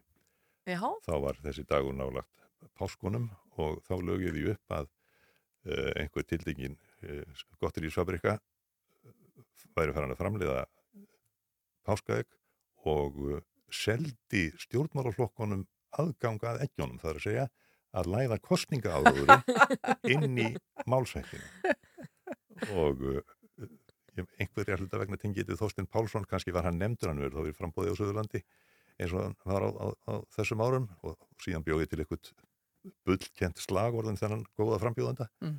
Og ég fekk til lið sem er Stengunni og Sigfússon og Hannes Gissurarsson og þeir voru svona svo lítið gagstæðrar skoðanar á því hvort uh, hérna, gottir í kapitalið ætti að fara að blanda sér inn í stjórnmálbarna þetta, þetta gekk ágætlega. Einhvern tíma lögum við því að það veri hérna kvalaganga vestur í ánanöstum skulum við segja á þeim slóðum og þar kom inn fyrirbærið gullströndin þar sem að öskuhaugarnir gömlu voru lindust alls konar gersimar. Mhm. Þá fikk ég Kristján Loftsson svona í svona slagr viðri til þess að sitja með mér og við lístum þessum, þessum kvalarreika sem þarna var þetta og fjórar eða fimm búrkvalir og öll þau dýrumæti sem fælust í tönnunum og bara eðrilegt og, og, skemmtilegt. Þá kom hér gagnverkur ágætur háskólamaður inn á fréttstofuna, ég held bara þennan sama dag og uh, lísti sko miklum áhuga og uh, hafði notið þessara fréttar alveg til lítar Mm. og sem sagt, hann glifti við flugunni og það getur verið svolítið erfitt Já. þegar maður er búin að plata einhvern sem maður vil ekkit endilega plata því að þetta beinist nú ekki að einstaklingum. Og það var- einhver ágættar kvennalistakonur manni núna sem að ringdu einmitt út á páskaækjadæminu. Já. Alveg rót nextluð. Kanski, kannski, kannski var hún bara einn. Já. Þannig að, jú, jú, þetta hefur, þetta hefur verið mýmsum hætti. En þróunin í fjölmjölum hefur verið þannig að þetta er svolítið liðin tíð og Það það, er ástæðu, það er ástæðu fyrir því. Það er bara samfélagið er orðið svo bilað. Já. Það er ekkert að marka neitt nokkur stað. Nei, nei, Nei, nei, það er ásýr þess eðlú skýringu að, að, að uh, miðlunin er orðin svo miklu, miklu hraðar en hún er, hraðar en hún var, útvörpin er orðin svo mörg, hlaðvörpin og þetta allt saman og samfélagsmiðlarnir, Mm. að uh, þetta er svona, þetta, Og, og svo það er einhvern veginn eru of margar á of morgum dögum. Já. Það er nóg til af þeim. ef við köllum þetta ekki allt bara falsfréttir. Já. En röddin þín, Broddi, hún er, við getum sagt að hún sé vörumerkið þitt og, og það virðist, og það er þannig, það virðist ekki þannig, það er bara þannig að fólk treystir þessari rödd og uh, þjóðinni líður vel og finnst hún í góðum höndum þegar Broddi tekur til máls og þess vegna er nú mjög gætna kallaði því þegar eitthvað mikið gengur á ekki Nei, það er ekki vegna þess. Já, við upplifum Já, það já, það, þannig. það, það má upplifa hluti. Veröldin er alveg stútfull af miskilningi. En Nei, er það? jú, jú, það getur vel verið að, að, að ég hafi einhver, einhver, einhver, einhverja róandi, eins og róandi pilla handa, handa fólki þegar einhver leiðindir í gangi. En þetta liggur nú kannski fyrst og fremst í því að þarna hef ég áhugan Mm. og ég hef verið í þeirri stöðu allar tíman að vera, um, skulum bara segja, sjálfvalinn í það að vera á eilífur í bakvakt að þér svona hlutum lítur. Já. Og ekki bara ég heldur fréttastofan öll Já, og það er nú kannski styrkur, hefur verið styrkur okkar í gegnum tíðina Já. þegar eitthvað hefur bjátað á, eitthvað hefur verið að gerast sem fólk fréttir af, þá þarf ekki að ringi þau. Já. Þá bara er söfnuðurinn mættur, Já. 1, 2 og 3 og gengið í málinn. Já, en hefur eitthvað, ég meina, setur því einhverja stellingar eða er þetta bara þú, sem, þessi rödd sem kemur þannig? Pælur eitthvað í því hvernig þú ert að tala í útarfið? Nei, ekki bön. Eina sem er að ég þarf að, og því þekki það veruglega sjálfar sem eru það að rífa ykkur upp á rassinum svona eldsnemma mótnana. Mhm. Stundum er ég búin að vera bara eitthvað allt, allt annað að gera þegar kemur að hátæðisfrestunum annað en að vera að lesa þér yfir og einhvern svona smá átvasendir af því að það er nú drúur hluti af mínu starfi hefur verið núna lengi. Það er að gleyma að tala. Mhm. Já. Þannig að svo mætir maður í basarnum Rámur og æp, æp, æpir fram, rettiði mér volgu vatni eða eitthvað en að þau leiti ekki neitt En Þú ert að hætta þetta lest þinn síðasta hátegisferðartíma og eftir, ertu, eh, er tilfinningarsemi yfir þessu? Ertu, ertu hérna, ertu eitthvað stressaður eða finnst þér þetta eitthvað skrítið? Hvað sýnist ykkur? Já, mér finnst þú Nei, síðan ég- Nei, sko. ég hérna eh, það, ég, er, ég er alveg potrólegur Já. Eh, Ég var allavega alveg potrólegur í gæra og fyrradag frá því að ég tók þessu ákvörðun Mhm. Það getur vel verið að, að hljópa einhver, hljópa einhver tilfinningar sem í mig á eftir Já. en nú síður á því Já, en þú talar um þessa bakvaktir sem að þú hefur alltaf verið til í að, að taka á stökkva stað. Heldur þú verður svolítið tíma að lenda, bara hætta í þessu? Já, það er ég alveg handvissum að verður Mhm. og þeir eru búin að búa sig undir það félaga mínir meira vona ég í gríni og nú mun ég leggjast í síman eins og allir leiðinlegu hverulandir sem að stöðugt ringja með alls konar mjög skálegar aðtöðasendir málfarslegar eða pólitísk slagsíða eða akkur töluðu ekki við hana eða akkur töluðu ekki við hann. Mhm. þannig að þeir eru, eru að búa sig undir það að ég breytist í eitt slíkan. Já, en, en ég er handvissum þetta, þetta er alveg rétt hjá okkur. Það er, er náttúrulega svona langur ferill eða hvað maður kalla það svona, svona langt líf í einhverju, einhverjum skorðum. Mhm. Maður, maður sker ekki á það bara svona eins og ekkert sé Nei. en ég hef engar áhengjur. En hvað tekur við hjá þér? það er bara eins og yfirleitt í minni tilvöru, ég hef svo sem enga hugmyndu það Nei, það bara það er kemur í engin, plön, ég er ekki að fara að ge- gera neitt sérstætt og, og annað en það bara að hafa mér svo maður og Já. svo veitir allar guðslöku daldið barnabönnum sem er það eina sem það gerir í rauninni að viti það er að, að hérna sinna þeim börnum sem maður hefur, hefur aðgangað Já. Og Þannig svo að- verða þau svo leiðileg svo fara þau að fjarlægast mann og, og þá gengur, geng, gengur það ver jújú, jú, það er bara fullt af, fullt af alls konar verkefnum sem, að, sem ég tek að mér Afa hlutverki er nú ekki, ekki leiðilegt. það er þannig að- ekki, það er ekki ónýtt Það verður gaman að, að geta sínt því eh, en þá betur. En eh, við munum sakna þín af öldum ljósvakans en, en, eh, og þökkum samstarfið og takk fyrir að líta við hjá okkur í, í morgunútarfinu Brotti Brottason og það er þinn síðasti fréttatími í hádeginu. Við missum að sjálfsögðu ekki að því. Nei, nei. Takk fyrir mig. já, takk fyrir að kíkja til okkar. Gleð- Gleðilega hátíð Já, takk. Og hér eh, rétt á eftir ætlum við að eh, heyra um þennan stóra söfnuna þátt á Rúfi kvöld.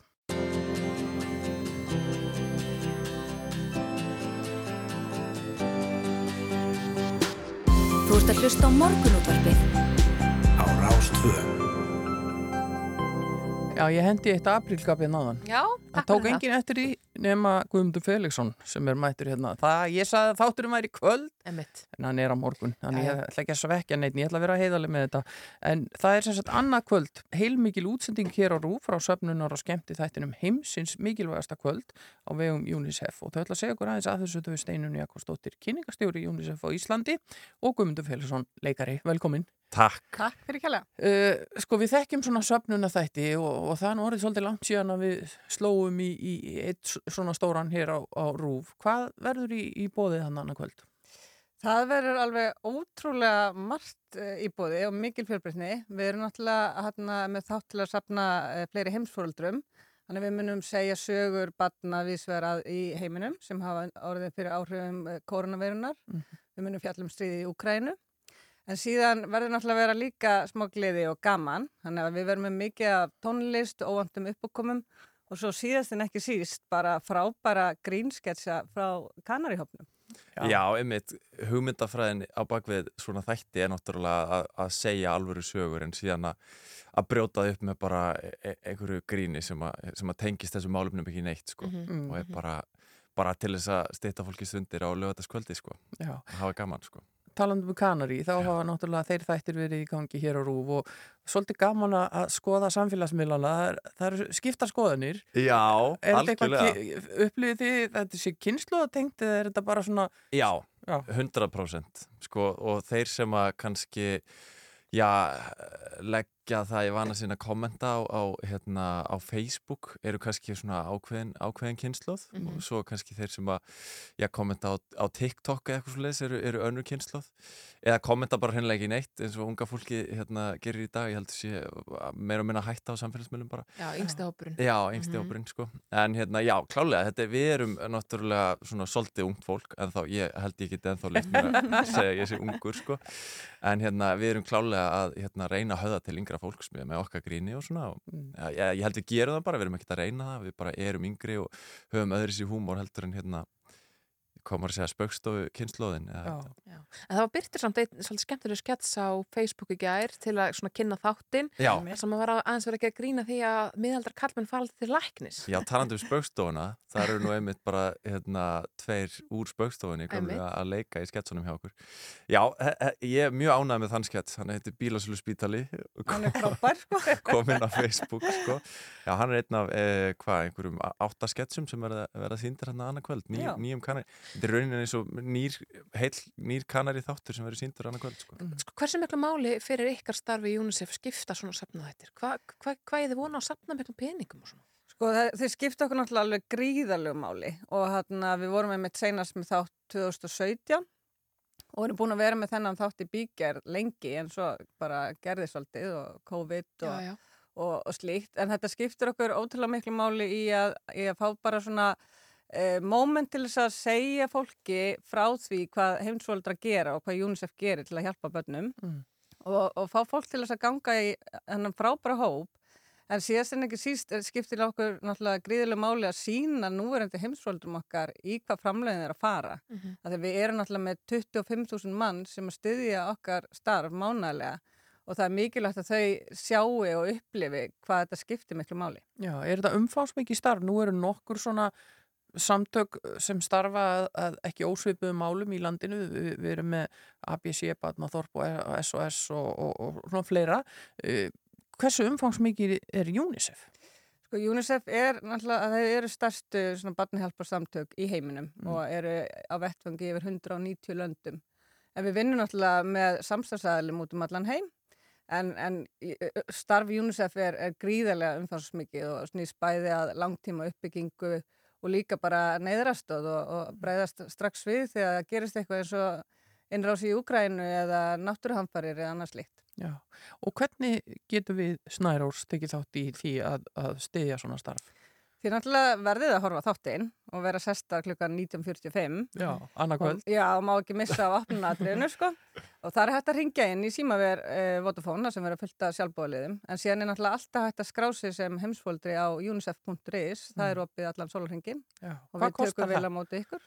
Uh, það er ekkit ákveði verð. Nei, Fólk ræður því bara sjálft. Já. Hérna, og, og það kannski skiptir minna máli nákvæmlega uppæðin. Það er hérna, bara það sem fólk getur uh, og vill, vill gefa. Það er bara undir hverjum einum komið. Já. Og það er líka mikilvægt sko, að því að við Íslandingar, við erum hlutfalslega með flesta heimsforeldra Já. með við höðatölu. Heimsmet. Við erum með heimsmet í, hö- í hérna, Heimsmet í höfðatölu. Heimsmet Já. með höðatölu. Og svíjar er í öðru seti sko.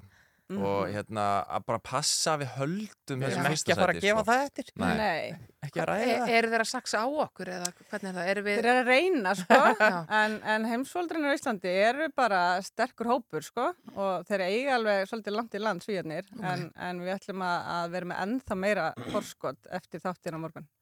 Sterk á, á heimslistanum, þetta Já. landslið, landslið Sko, heimskóla. okkur í Kanaríhófnum skilst sko að svíjarnir sé að reyna að beita ákveðnum bellibröðum til, að- til að vinna sko og það verður eitt skets um það. um svíja. Já. En svo er líka fullt af tónlist. Það er fullt af tónlist, það verður Sirri Tóllasíus kemur og, og syngur og Leila og Edgar Smári og svo mætir hún Jamala frá Úkrænu sem vann Eurovision fyrir nokkrum árum. Hún kemur og tekur lægið e, á morgun. Já, þannig að þetta er engin smá þáttur í Þetta er uppbyggingu. rosa þáttur fyrir alla fjölskylduna. Já, gleymum því ekki. Þetta er á, á dagskrá á Rúf annað kvöld og uh, hægt að fylgjast með þar öllu fjörunu í beinni útsendingu og svo verður svona þessi söfnunar hluti sem er nú alltaf svolítið stemming, það er svona símaver. Já, og það verður langmesta fjörið í, í símaverinu og, og þar verða hún Björg og Guðmundur á þau standa vaktinu þar og þar verða alls konar óvendar uppákomur. Og, og, Og svo er alltaf þessi stemming þetta hendi út hérna Þetta fyrirtæki gefur 500 Já. skall Já, já, og já. skorar á þetta og Alveg, Pressa á önnur bæjarfjölu að fara að skora á að vera með flesta heimsfóldra og, Já, og slíkt. Þetta hljóma vel. Já, það er almennilegar rígur, það er það sem við viljum fá Já. hérna. Getur fyrirtækja skorað á nöfnur ykkar að skrá ykkur sem heimsfóldra og svona. Já. Skorað á Ég Rás heitir 1. enda Snær og ég held ég sem þrjár eða Já, eitthvað. að er alla, alla ansi- fræra á sér lands skrá sig. Þetta, hljóma vel, við fylgjumst vel með á morgun. Uh, ég ætla að spila hérna lag í lokin sem að tengist UNICEF og, og, og það er Páll Óskar Hjántisson sem syngur og, og lagið heiti Megi það byrja með mér. Páll Óskar kemur undar líka að þessum þætti Já. og við munum sjá honum bregða fyrir en svo er líka nýtt lag sem að verður spilað þetta morgun. Já, það er endur útgafa af Disco Frisco og það var hann Bræði Valdimar sem að samti nýjan og frábæran texta og, og bara hópur af söngurum sem að, sem að mættu og, og tóku upp þetta nýja lag og, og það verður opnaratriði þáttaræns á morgun sem enginn vil missa af. Og þessu sem var undirlagt Já. í tökur fyrir Við getum þetta. vottað það, þetta verður sleggja. Algjör þetta sprengja. Frábært að fá okkur hérna í, í smá heimsókn, Steinun Jakobsdóttir frá UNICEF og Guðmundur Felixson úr Kanari hópnum og fleiru þið ætlið að vera með í, í fjörun á morgun og við fylgjumst með á rúf. Takk fyrir að koma. Takk, fyrir kella.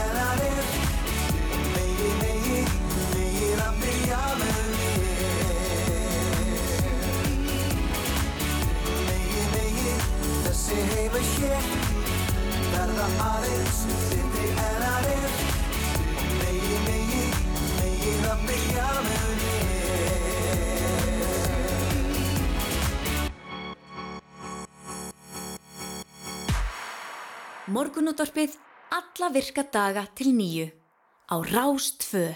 Jú, jú, þið þekkið það. Það er, uh, já, svona, við erum til nýju, þannig að það styttist í þetta hjá okkur.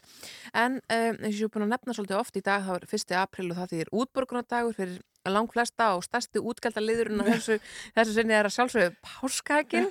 það þarf að gera ráð fyrir því að það þarf að, að hérna, kaupa páskaæk fyrir alla fjölskylduna og helst tvö og þrjú og ég veit ekki hvað og hvað. Hún er kominninga til okkar Aldabjörg Larsen, markastjóri hjá Nóa Sirius. Hún þarf að segja okkur hans frá Coco Horizons verkefninu og auðvitað páskaækja flóðinu sem að framöndan er. En við skulum byrja svona samfélagslegri, á, samfélagslegri ábyrð.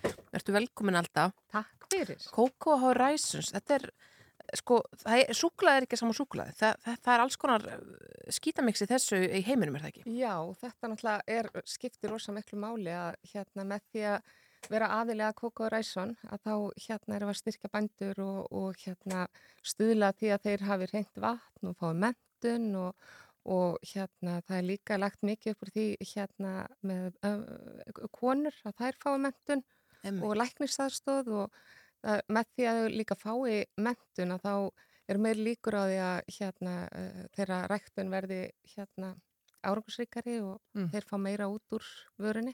Já, og hvaðan eru þau að kaupa, ég meina við ræktum ekki kakobunir á Íslandi, Nei. þannig að það þarf að sækja þær ykkurt. Hvaðan Herðu. koma, kemur ykkar hráöfni? Er, þetta er á Fílaströndinni, það er bara verið vera eiginlega eini staður sem hægt er að rækta kakobunina. Já. Þetta er mjög viðkvæm hérna uh, bön og er, uh, þeir reyna að rækta í kringum hérna uh, þann, eh, til að verja stopnin. Já. Þannig að Og, og þetta er eh, langur vegur og, og þar er þetta verkefni í gangi, þetta Já, Coco já, Horizons. já. Og er, er þetta svona alþjóðleitt verkefni, eru er mörg fyrirtæki sem taka þátt í svona? Sko þetta er náttúrulega vaksandi sem betur fer að, að þetta er náttúrulega bara líka hérna barnaþrælkun og annað sem að er í þessum geira mikið Já. og þetta allavega uh, með þessu að þá erum við að stuðla því að það er hérna minna um það og því fleiri sem koma inn í hérna hvort sem það er Coco Ræson eða önnur hérna uh, vottun að þá er þetta, þetta bara gríðarlega mikilvægt til að hérna komi veg fyrir svona Já, en er þetta um, mikil vinna að fá svona vottun fyrir, fyrir Íslenskt fyrirtæki lengst norður í höfum? Já, þetta er nefnilega alveg margra ára hérna, vinna og, og erfitt að uh, hérna, komast uh, að fá þessa vottun og annað og þetta er eitthvað sem að Nói Sirius lagði mikið upp úr að, að hérna, vera með og sína samfélagslega ábyrgð. Þannig að það sé svona samvinskupitslöst hægt að borða súkulega. Já, nákvæmlega. Já, já, á, á, á vissan hátt. að Já, meni, kosti. það á alltaf að vera samvinskupitslöst. Ég Það á ekki skamma sín fyrir að borða súkulega. Nei, aldrei, aldrei. Veistu, ég, var, ég ætla bara að segja það, Mm. af því að hérna, minn uppáhaldsbókarflokkur er Harry Potter Mhm. og það er semst helsta ráðið við vitsu árásum er að sér súkulega. Mhm. Svo s- í fyrra dag það var ég eitthvað svo eitthvað svona, leiði eitthvað illan kvöldi þurfti að vera að vinna eitthvað verkefni og allt var eitthvað ómögulegt og maður mér segir, það er hérna það er eh, hérna suðusúkulega til í skapnum, fáðu þér Mm. og ég tók alveg halva plötu og ég get svo svarið það, mér leiði svo miklu betur Vitsugurnar farnar. án Það var klikkað það var í alveg, það tók kortir og það var bara, mér leiði miklu betur En Þetta það er bara náttúrulega alveg sannað. vitað að, að, að súkulaði, það, það, það hefur, gefur ákveðna svona tilfinningu og Akkúrat. góð áhrif að vissan hátt. Já, nákvæmlega. Svona allt gott í hófisa. já, já, þetta En, en snúm okkur aðeins að þessu, sko, það er, getum við ekki sagt að sé aðalvertíðin hjá ykkur sem eruð í súkulaði framleyslu séu páskarnir. Er það, jú, páskar og jól, þetta er náttúrulega bara uh, hérna jú, páskarnir eru orðnir alveg ofbóslega stórir og það er svo skemmtilegt með öllum þessum viðbútar tegundum og annað sem að hérna náttúrulega bara auðvitað orginalið bara reyna að rjóma súkulega það er Mhm. auðvitað alltaf vinsalast en það eru svo skemmtilegt með all, allar þessar viðbútar bráðtegundir að það er verið að bæði í fjölskyldubóðum og fyrirtækjum oft er að hafa svona smakk og hittast og, og svona þannig að þetta verðist vera algjörlega svona reyn viðbót við bara hérna orginalið og Já, og nú erum við bara, þú veist, auðvitað getur maður ekki tala upp alla tegundirnar og svo eru líka Nei. fleiri framleiðendur með margar tegundir líka. nákvæmlega. En þú veist, einu sinni var það bara gamla góða, hérna, nú er hægt að fá dögt og það er hægt að fá hérna, með lakrís og það er hægt að fá með nóa kroppi og það er hægt að fá með öllu mögulegu. Veist, það geta allir orðið bara svona fundið sitt sér hannaða páskegg. Það er nefnilega máli og það er svo ótrúlega gaman að þú nefnir líka aðra að það er bara hérna, mjög gaman að uh, svona íslensk fyrirtæki skuli vera svona frjó og koma með allskins nýtt og, og hérna þetta er svo skemmtilegt við litla Ísland hérna, við erum alveg ótrúlega mögnuð sko. þegar við förum í eitthvað þá förum við alltaf alla leið. Alveg ólinn sko. En hvað eru það að framleiða mörg páskegg á Heyrðu, ári? Þetta er bara um miljón með öllum. páskaegg? Ef við tökum öll litlu og allt saman með sko. að Þá, já, þetta er alveg svak. Og hvernig veljið þið málsættina? Að þetta er, uh, sko, stundum er maður bara svektur. Maður fær ekki alveg mjög góða veljið nákvæmlega, já. Sko, þetta er náttúrulega bara þessi, hérna, málsættinir, þetta er orðið svo gamalt og auðvitað höfum við þurft að týna ykkur úr, sko, að því að þeir eru kannski ekki Ekki við. á okkar tíma. Akkurat, akkurat, en, en þetta er mitt svona eitthvað sem að uh, er nú alveg skemmtilegt að skoða, hvort að hafi eitthvað skemmtilegt nýtt bæst inn í eða En er einhver starfsmæður sem er í málsóttunum? Ég væri Sko- til að vinna þá vinn. Já, sko það er, uh, þetta er náttúrulega bara, er svolítið staðla hjá okkur, en uh, hérna, páskakinn er, þetta er svo mikil allt handgert, Mhm. það er náttúrulega bara starfsmæður sem þarf að passa upp á það að fari málsáttur inn í hvert ekk, mm. svo ef að eitthvað klikkar, að þá, þá virðist þetta vera svolítið mikið stór partur af því Já, að, það að fá, alveg kaupa páskakk, að fá málsáttin og fólk hefur samband og fær málsáttin sinn, sko. Ég fekk eins og í fyrra, fekk ég málsáttin umgengi lýsir innri manni, það bara ég var eitthvað tjaldsvæði, og það var bara að skamma mig, þetta var, Það var ég var ryksugur það var alveg þannig, bara sóðinn þinn. En það er náttúrulega stöðu vöruþróun í gangi, ekki bara með páskakinn eins og við vorum að nefna allar þessar nýju tegundir, heldur já. líka þeir að prófa nýjar tegundir og ný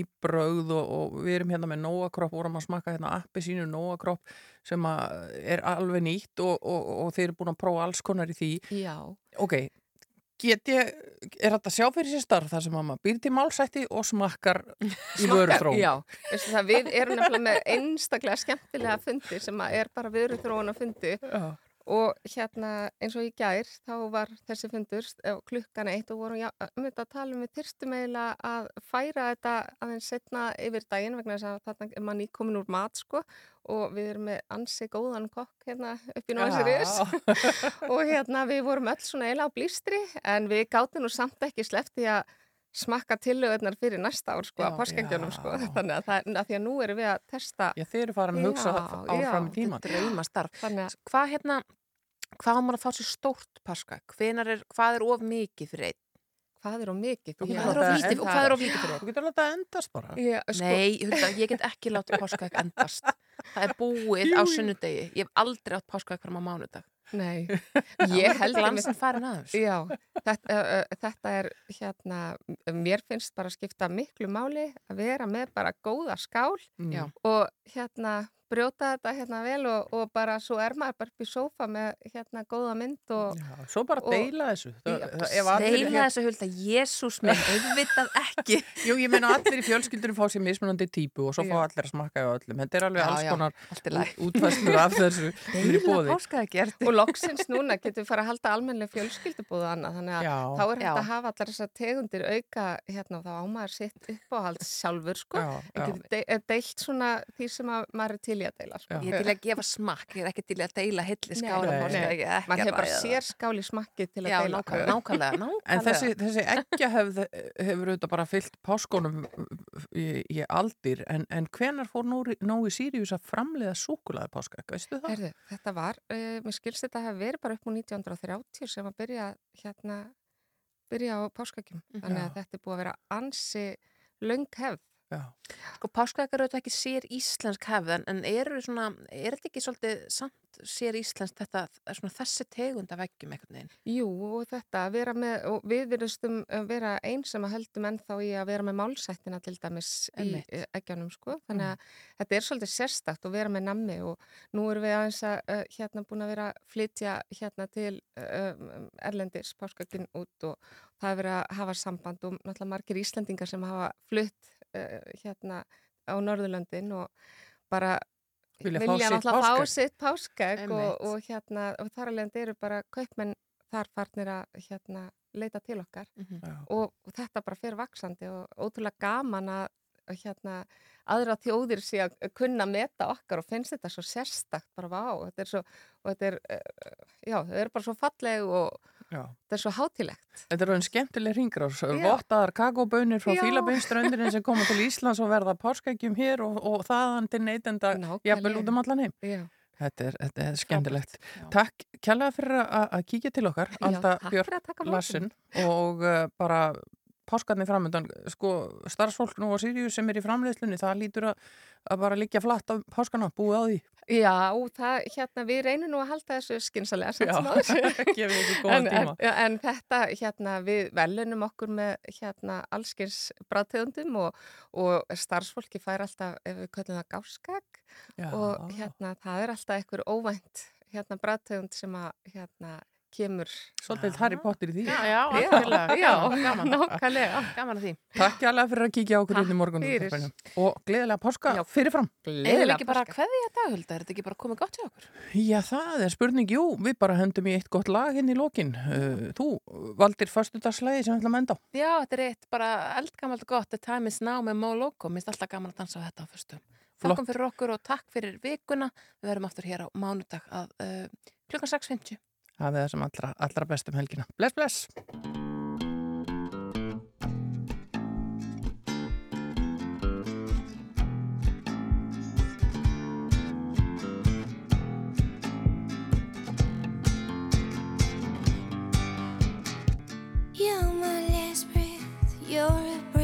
Fresh air to me.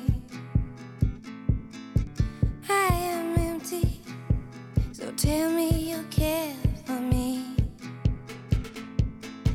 You're the first thing and the last thing on my mind.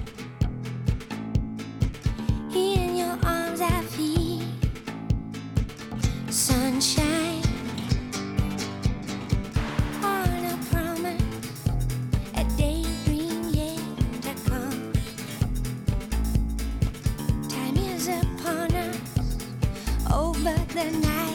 自由。